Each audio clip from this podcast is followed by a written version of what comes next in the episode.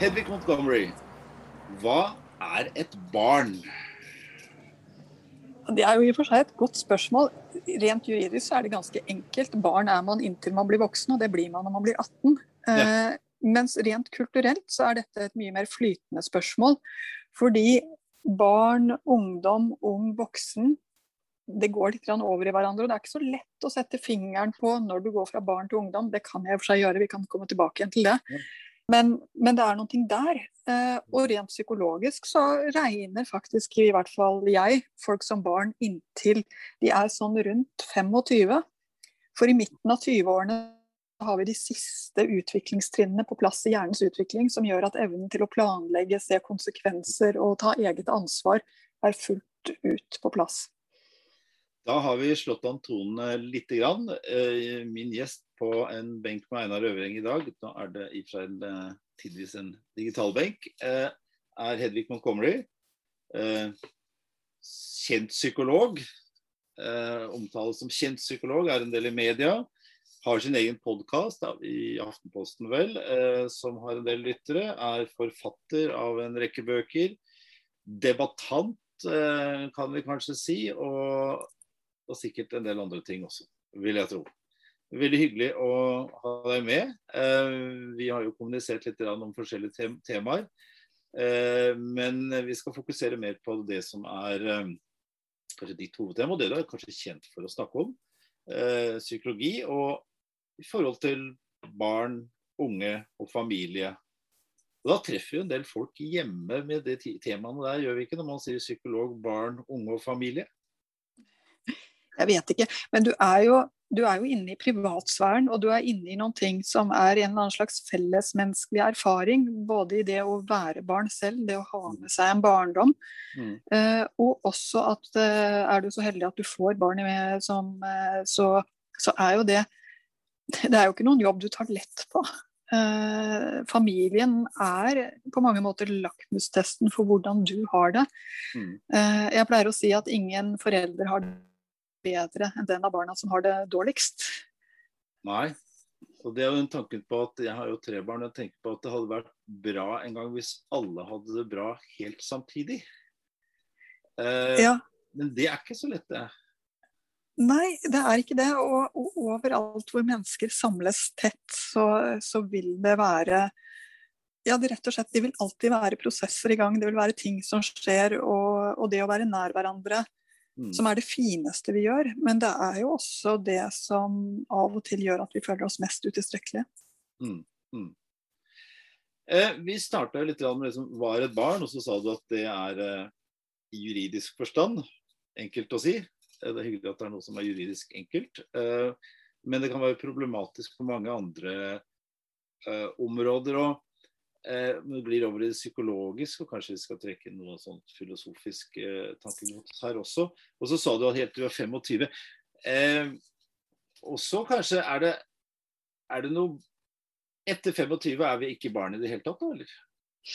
Altså, det kan du jo godt si, at, at det lekende mennesket, det barnslige i oss, det blir vi jo aldri kvitt. Eh, jeg syns det var en aha-opplevelse. Da jeg var barn, så så jeg på folk over 40 som eh, ikke bare gamle, men utgamle. Altså livet var mm. slutt. Hva var vitsen med å leve videre etter da? Eh, lurte jeg jo på til stadighet. Mm. Etter å ha kommet godt videre i livet, så må jeg si det er helt utrolig at livet er så langt. Mm. og det er også helt utrolig at jeg på ingen måte er den samme nå som da jeg var barn, men at jeg fortsatt kan hente frem elementene mm. uh, av meg selv som barn, mm. er, er, til tider nesten litt mye. Uh, og vi stadig får mer av denne mer av seg selv og mer av sin egen erfaring og mer av sin egen uh, historie som, mm. som, legger seg oppå hverandre. Så om man slutter å være barn noen gang, er svaret på det man slutter Det å ha vært barn er i hvert fall en del av det å være menneske. Mm. Eller kanskje blir man aldri helt ferdig med å være barn. Hva med det? Altså det litt andre, At det er noe ved barndommen man aldri blir helt ferdig med. Det er vel kanskje litt gammeldags psykologi på én måte, eller hva tenker du om det? Er det at det er eh, betydningen av den rett og slett senere? Altså jeg må si at jeg hadde jo ikke jobbet med det jeg jobbet med, hvis jeg ikke oppfattet det som helt usedvanlig viktig. Eh, hva slags oppvekst du har, Mm. betyr mye for hvordan du er som ung voksen og voksen. Mm. Eh, og så har du mange muligheter til å rette opp, til å forstå, til å pakke sammen på en annen måte og gå videre. Mm. Eh, det er sant. Eh, så muligheten til å eh, på en måte rette ryggen, den får du igjen og igjen så lenge du lever. Eh, men at det betyr ting de første 20 årene, det er helt sikkert. For det vi, vi filosofer blir jo gjerne litt på vakt hvis vi møter sånne begreper som drar i retning av determinering og sånt, og da blir vi litt på vakt. eh, ikke sant? Og tenker, og der, Det er vel en stor diskusjon i psykologien hvor mye dette her betyr. Eh, eller hvor avgjørende det er. Og så er det noen som sier at det er aldri for sent å få en god barndom. Eh, mens andre sier at det er bare visse ting som gjør at du aldri vil få det bra som voksen. Du plasserer deg litt eh, du plasserer deg på den optimistiske siden, hvor det det ligger en mulighet uansett. Eh, muligheten til bedring vil jeg si at jeg aldri uh, ikke har funnet. Uh, og så kan du si at du kommer også inn på den andre store diskusjonen. Hvor formbare er vi som mennesker? Hvor mye handler om oppveksten, og hvor mye handler om den genetikken du har fått, Ja. som jo virkelig er deterministisk. Mm. Og det er også et, et felt som, som jo virkelig har vært heftig debattert. I både ditt og mitt fag. Jeg er blitt fortalt at har du å si, flere enn to barn, så begynner du å få litt øynene opp for, for noe av det genetiske, som også vi filosofer er litt nervøse for. For du ser at du har vel kanskje vært en noenlunde lik forelder, men de er veldig forskjellige, disse barna. Og så, og så finner du en pussigheter ved barna som tenker ja, men der var, der var bestefar. og der var tante. Ja, vi, vi har det. Vi, vi ser disse tingene hvor liksom um, Og da er det jo interessant hvor, hvor mye Og i enden av det så er det et begrep som jeg har stusset over, som ligger der. Og det er når vi bruker ordet oppdragelse og oppdra. Hva betyr det i den settingen her? Mm. Ja, det er jo på mange måter tenker jeg at oppdragelse er et, eh, et helt intuitivt ord som handler om at du overleverer noe kunnskap. Det ligger en slags forming Mm. i det å snakke om oppdragelse. Mm. Eh, og da er spørsmålet hvor mye kan du forme? Ja. Eh, jeg må jo si at eh, du har jo helt rett. Har du mer enn ett barn, så blir det veldig tydelig. Eh. At selv om du gir det samme, så, så får de helt forskjellige uttrykk. Eh, og selv de foreldrene som er mest opptatt av sport og idrett og, og skigåing, kan få barn som eh, nekter. Og de, er, de foreldrene som er mest begeistret for kunst og kultur, kan få eh, museumsnektere. Altså Du ser at det er mer og mer egen vilje. Jeg syns jo nesten den mest spennende alderen eh, som, som forelder er de årene, ja, mellomårene fra sånn 9 til 14. Uh, hvor det begynner å stige frem sånn gradvis hva slags menneske dette er, hva slags vilje det er som ligger der. Mm. Uh, og jeg må si at jeg, jeg blir nesten litt hypnotisert som forelder selv når jeg står der som mamma. Når jeg står der og ser denne personen tre frem. Sånn litt etter litt så ser du noen ting. Uh, det er ingen tvil om at eh, hvilket grunnlag som ligger i barnet, Mm. Eh, sier mye. Og jeg pleier ofte å si at barneoppdragelsen har egentlig tre deler. Mm. Eh, den første delen det er foreldrenes kunnskap om barn, eh, om, eh, og tanker om barneoppdragelse. Mm. Eh, Den andre delen det er eh, forelderens egen oppvekst. Altså det du selv har erfart som trygt eller utrygt, og, og det du selv reagerer nesten litt sånn intuitivt på når barnet gjør. Mm. Det der som får deg til å føle at det er din egen far eller mor som bryter igjennom hos deg selv. Mm. Uh, mens den tredje delen av barneoppdragelsen er rett og slett barnet sånn som det er. Barnet påvirker også sin egen oppdragelse og hvordan han eller hun blir møtt. Mm. Uh, og har veldig forskjellige behov. Eh, som trebarnsfaren så har du sikkert et barn som kunne omtrent ha flyttet hjemmefra uten noe særlig veiledning, mens du sannsynligvis har en som eh, du Mm. sitter og lurer på du stede, om du selv var til stede i befruktningsøyeblikket. Eh, og det var du nok, altså. Men, Ja. men det er andre ting som har skjedd. Og Det er jo det litt interessante, fordi, fordi den perioden du sa fra 9 til 14 eller noe sånt nå, den er jo ikke uten friksjon, for å si det på den måten.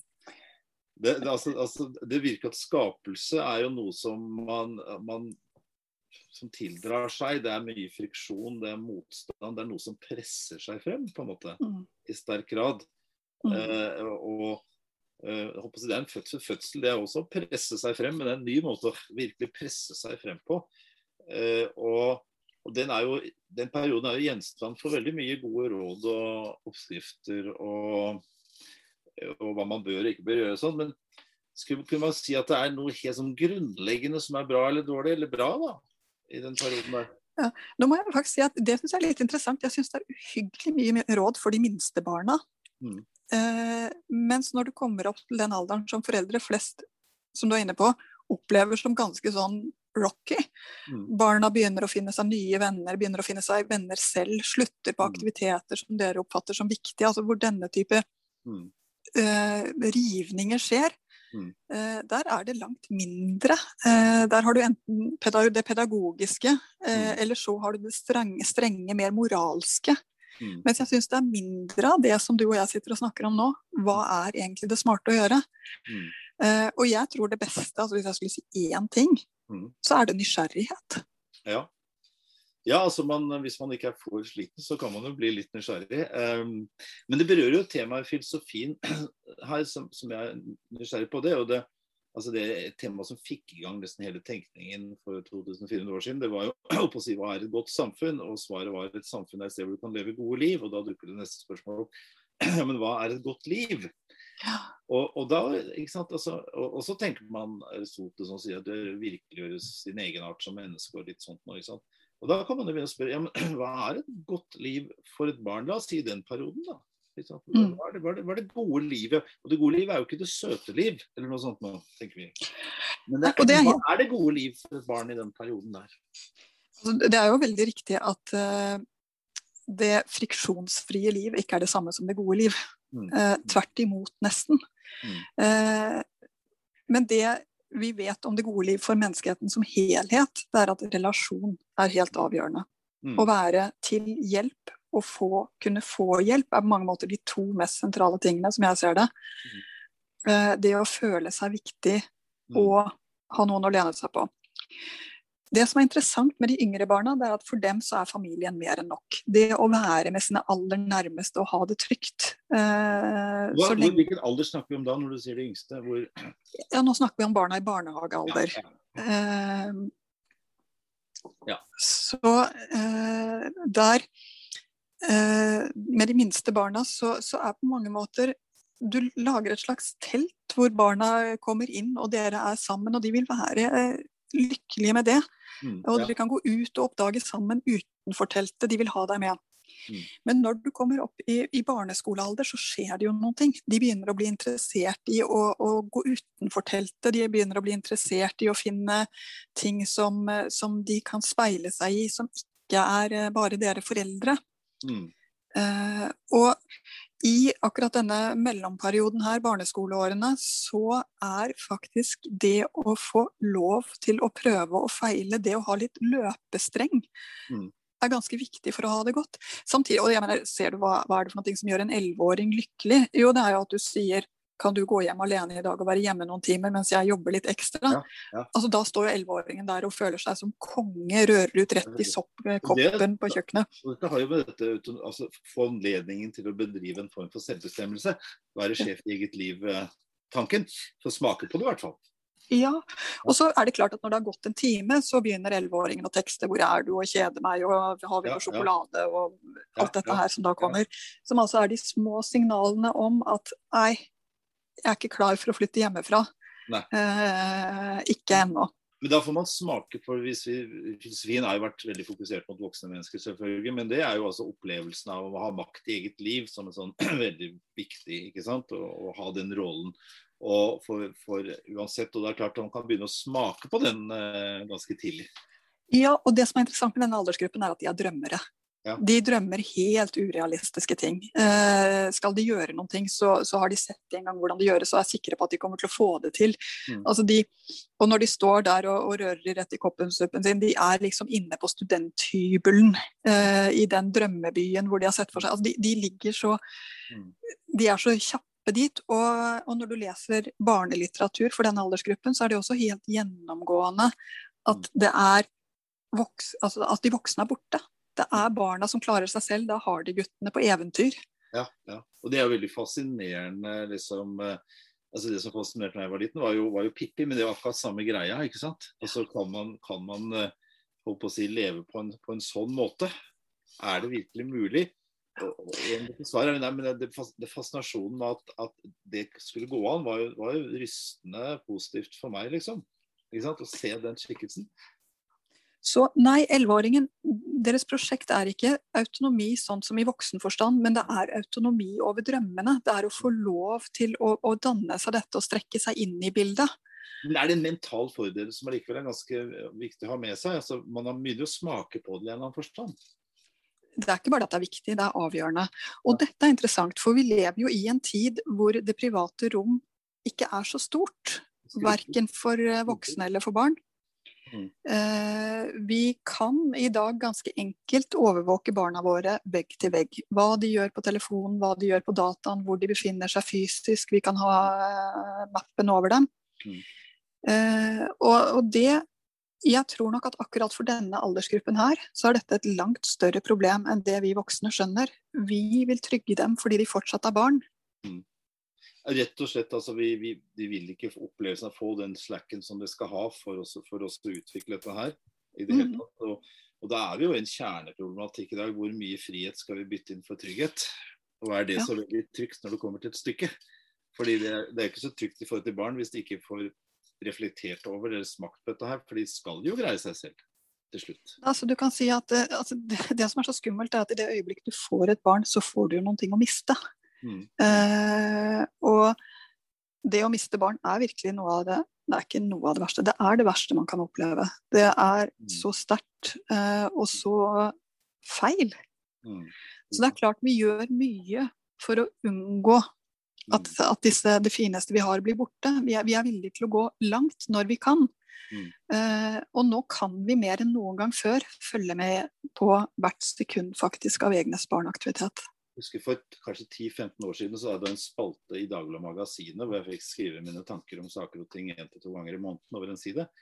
Og så skrev jeg, husker jeg, sånn, eh, sånn så, så, Tenk deg følgende produkt. Du kan håper eh, å si at du kan eh, sette en chip inn i huden på barnet ditt, og så kan du laste ned software på mobilen din, og så kunne du ved hjelp av kartverk ha stillet foreldreskrekk nummer én da, av barnet mitt fysisk et sted hvor jeg ikke kan finne det. Så jeg lagde det som et sånn fremtidsscenario. Da fikk jeg masse tilbake. Jeg er jo fullstendig spik spenna gæren? Hva er dette her for dette Sånn kan vi jo ikke ha. Det det verste jeg har hørt om. Altså virkelig og sånt noe. Det er ti år siden, da. Og vi er jo der i dag, er vi ikke det? Vi er der i dag. Uh, og dette er Altså, hva er det for noen ting som lager en lykkelig barndom, spør du om? Jo, jeg tror at vi må vite at hver generasjon har sin utfordring når det mm. kommer til å, å forstå barnas oppvekst. Eh, og hver generasjon har sin egen problematikk. Mm.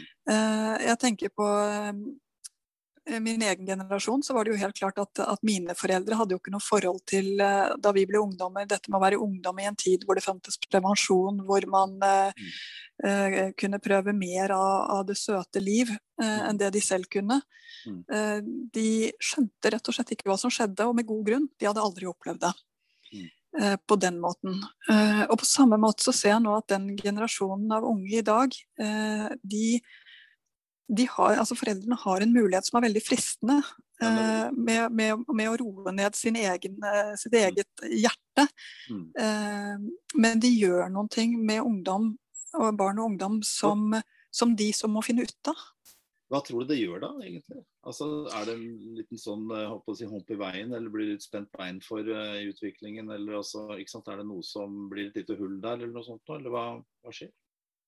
Jeg tror altså, det, det ene det, jeg tror det gjør, det er at de blir mindre flinke til å ta ansvar for seg selv. Eh, fordi de ikke har gjort det. Det å, det å begynne å ta ansvar for seg selv er å gå hjem Mm. fra skolen. Og i løpet av de eh, ti minuttene det tar hvis du opplever noen ting, mm. at du da gjør en vurdering hva skal jeg gjøre nå? Altså Det er å lære seg å ta ansvar for seg selv.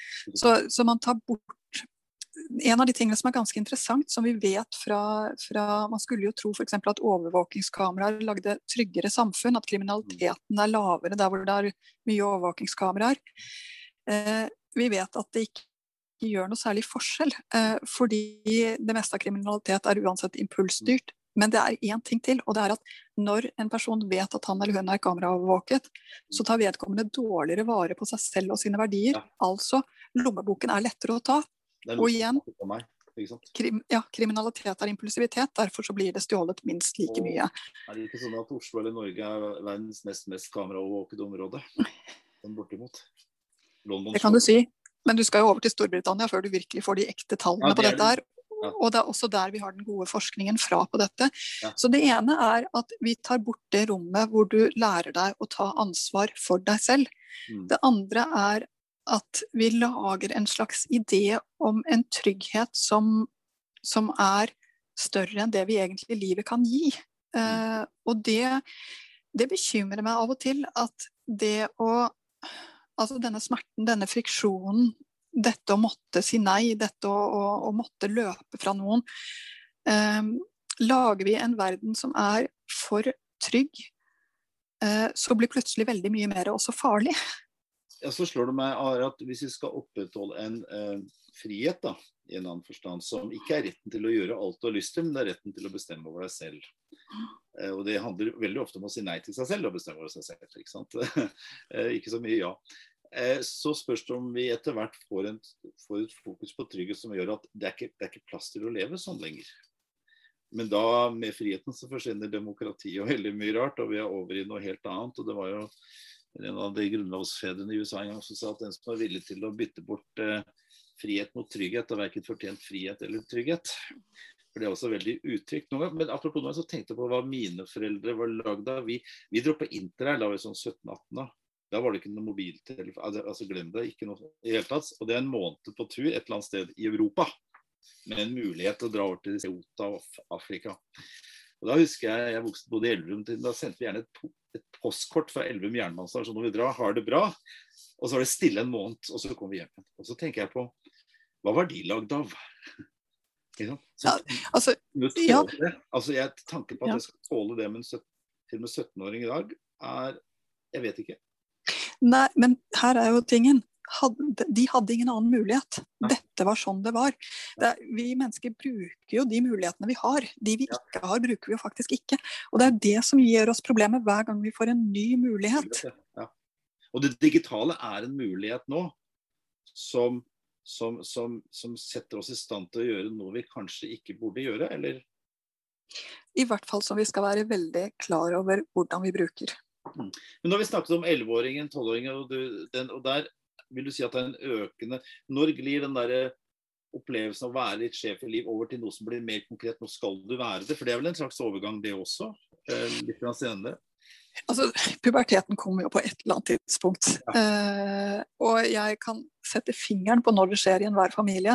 Eh, fordi det, det, er nemlig det øyeblikk eh, denne 12-13-14-åringen kommer hjem og sier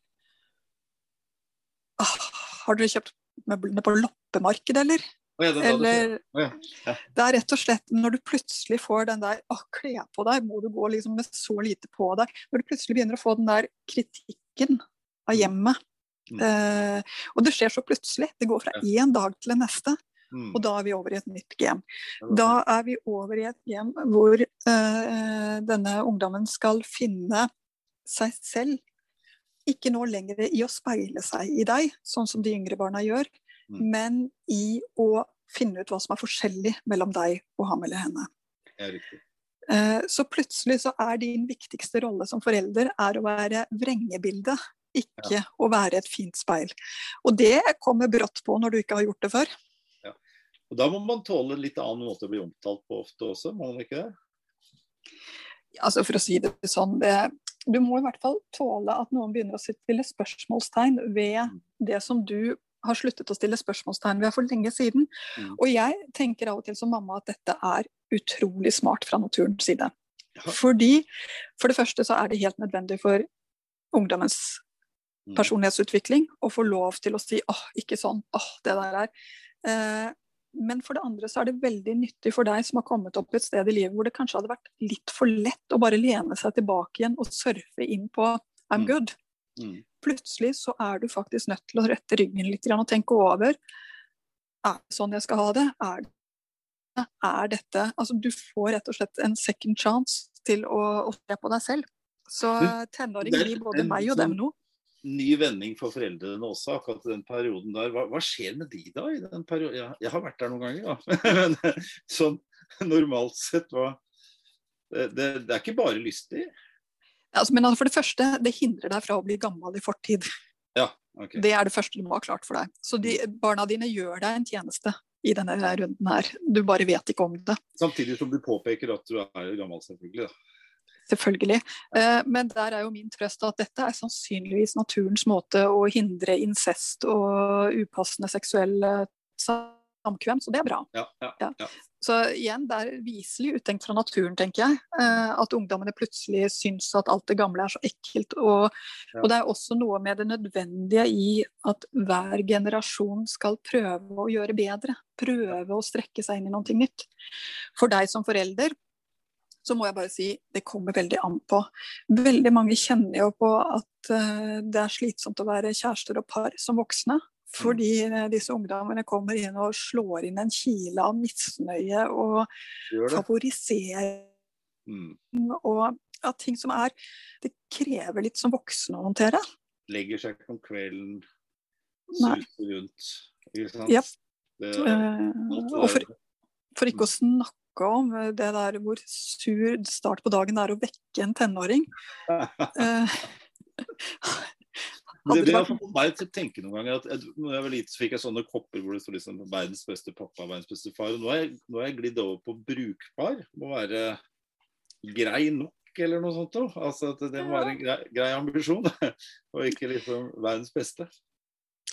Nei, og så må jeg bare si at de, Det er jo også litt fascinerende hvordan de kan svinge fra å ikke ville snakke med deg og si du er sint hele tiden og det går ikke an å snakke med, noen, med deg om noen ting, til å sitte på fanget og trenge trøst og fortelle indre hemmeligheter. Det svinger jo litt.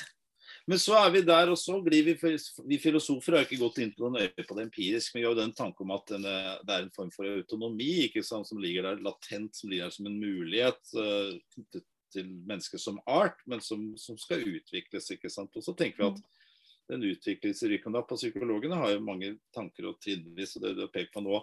Og når, altså, når er det neste fase? Det, er, det, er det flytte ut, da? Eller noe sånt? Nei da. Altså, jeg må si at her har du jo Det er jo bare å se på moralfilosofien, så finner du noen ganske gode ledetråder her. Eh, at når de er 16, så, så går de jo inn i en ganske ufleksibel høymoralsk fase. Mm, mm. eh, sånn omtrent, hvor de blir godt svart-hvitt-tenkende. Eh, ting er enten helt eh, fantastisk og verdt å ofre livet for, Mm. for eller helt forkastelig. Og, og folk. Du hater Ja. det er voldsomt. Eh, men så skjer det en ting, og det er helt biologisk. Det skjer igjen, altså, Alt dette kommer jo, kan igjen forklares med eller gjenspeiles i, i hjernens utvikling. Mm. Og det skjer en ting når, når ungdommene er sånn ca. 17 år. Husk at det er store slingringsmonn her, så 16, 17, 18. Mm. Men hvor den hjernen som i noen år har vært i bli sterkere på det du skal uh, bruke den mye til-modus, skjære ned-modus for å bli mest mulig effektiv. Vi er rett og slett i en beskjæringsfase i 13-14-15-årsalderen. Mm. Men så kommer det sette skudd-fasen. Mm. Rundt 17 år.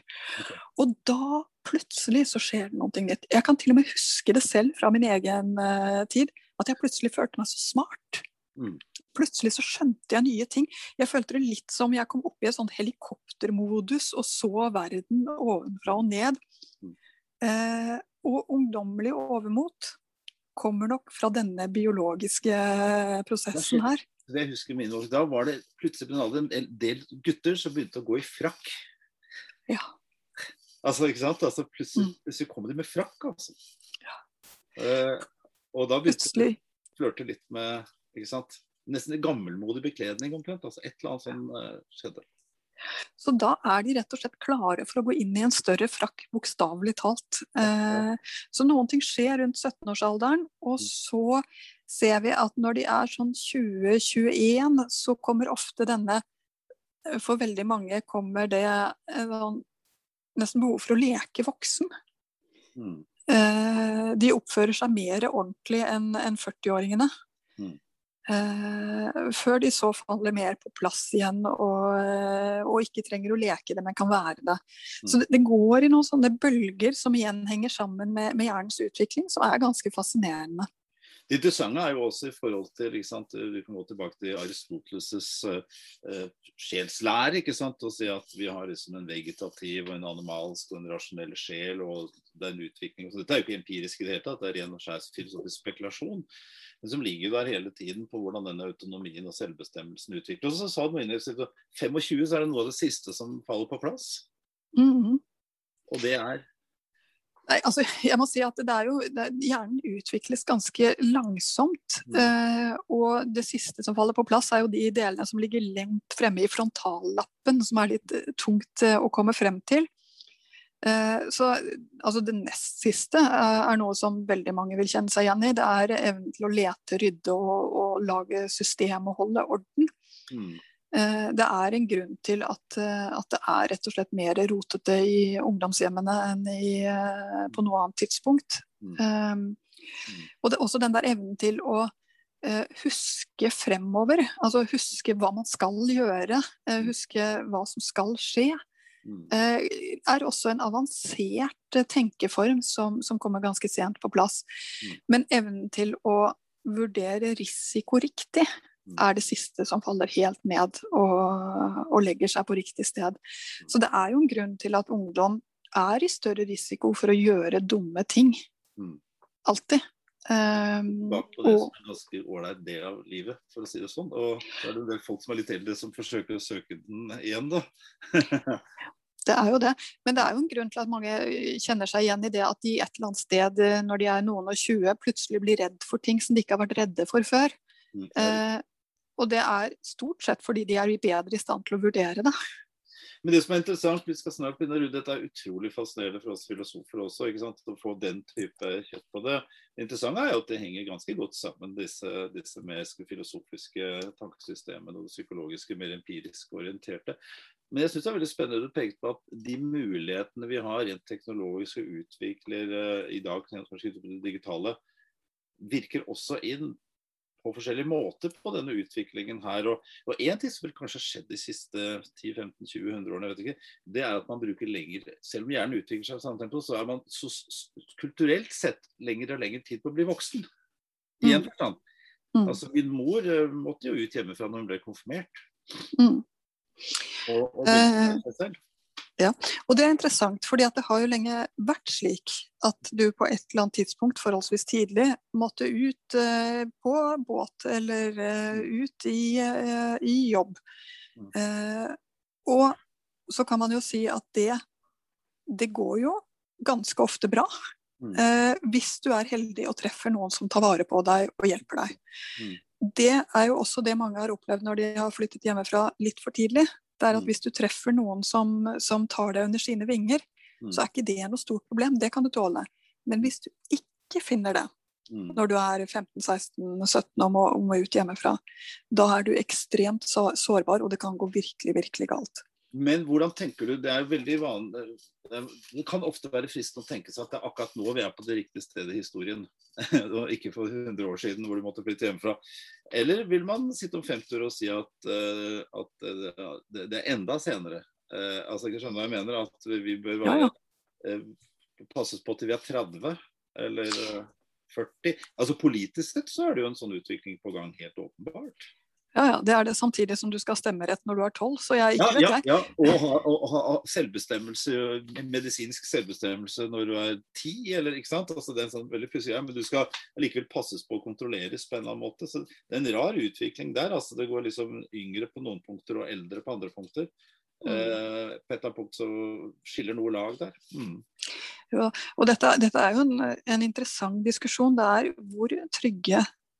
Skal alle være? Eh, hva skal vi gjøre? Og jeg, jeg, tror av og til at vi har gått for langt i eh, Altså, vel så viktig som trygghet er håndtering. Hva mm. gjør vi når? mm. er for meg et like viktig spørsmål. Og nå er det klart Jobben min handler jo mye om håndtering. Det handler jo mye om å gå inn når, når noe ikke lenger bare er bra. Mm. Og jeg vet at det er så utrolig mye som faktisk Altså reparasjon er en viktig nøkkelfaktor mm. for mennesket. Mm. Uh, og bør ikke bli ses på som et nederlag. Det at det må repareres, betyr ikke at noen ting nødvendigvis er blitt helt feil. Om vi skal flytte ut enda seinere, jeg håper da virkelig ikke det. Altså når du, ser, når du får hjem en 21-åringen på sommerferie, så skjønner du at dette er rett og slett riktig. Du, ja. ja. Jeg eh, håper jo at, at, vi kommer til å la barna våre flytte hjemmefra. Vi skal bare avslutte, vi skal runde av. Det interessante er jo, vi har jo kommunisert litt om det tidligere også. Hva gjør det vi har opplevd det siste året? med de tingene vi diskuterer helt eller Jeg er ikke sikkert du har et svar, men hva bør vi være oppmerksomme på, f.eks. For eksempel, i forhold til det du jobber med nå fremover? Vi har vært gjennom en spesiell erfaring. Vi mennesker har blitt holdt fra hverandre. Og, ja, dette er kjente saker. Hva, hva tenker du om det, helt avslutningsvis? Altså, jeg tenker jo at den gruppen som er hardest rammet, eh, ved siden av de aller eldste, er aldersgruppen 10 til 25. Eh, fordi det er en aldersgruppe som handler om å gå ut og finne seg mm. selv utenfor hjemmet. Mm. Eh, det handler om å danne nye relasjoner, det handler om å prøve seg selv der mm. ute. Eh, hva det har gjort for noen ting. Nå er det veldig stor forskjell etter hvor man bor i Norge, hva det har gjort for noen Eh, det skal vi huske på. Men eh, jeg kan jo si, som har hatt en 14-åring som har sittet hjemme og hatt hjemmeskole i praksis hele 9. klasse, Mm. Ikke noe gym, ikke, noen evne, ikke noe sted til å bruke seg selv og kroppen sin. Mm. Eh, jeg tror vi skal hjelpe dem i gang igjen. Jeg tror vi må være veldig tålmodige med å eh, rett og slett få dem ut og i gang, den aldersgruppen her. Vi må gi sommerjobb til 21-åringene. Vi må ja. rett og slett mm. lage litt mot. Eh, for mange er blitt skremt av å bli fortalt at verden er så farlig som vi har blitt fortalt. Vi må igjen klare å si at uh, verden vil alltid være litt farlig, og mm. dette går bra. Mm. Kalle Moen, en økonom, sa en gang vi diskuterte dette for et år siden, sa at frem og tilbake er ikke like langt. Sa Det er lett å gjøre det ene, men det er lengre tilbake. Og så skal vi ikke tilbake, vi skal jo fremover. Eh, Hedvig Montgomery, dette ble, var veldig hyggelig og opplysende. Og man kunne sikkert ha fortsatt ganske lenge, men vi har jo tidsramme. Så eh, spennende å, å liksom få med den uh, utviklingen der. Jeg er jo far til tre barn også, så jeg skal ikke oute de for mye. Men det er jo et og annet jeg virkelig kjenner meg igjen i. Tusen hjertelig takk. I like måte.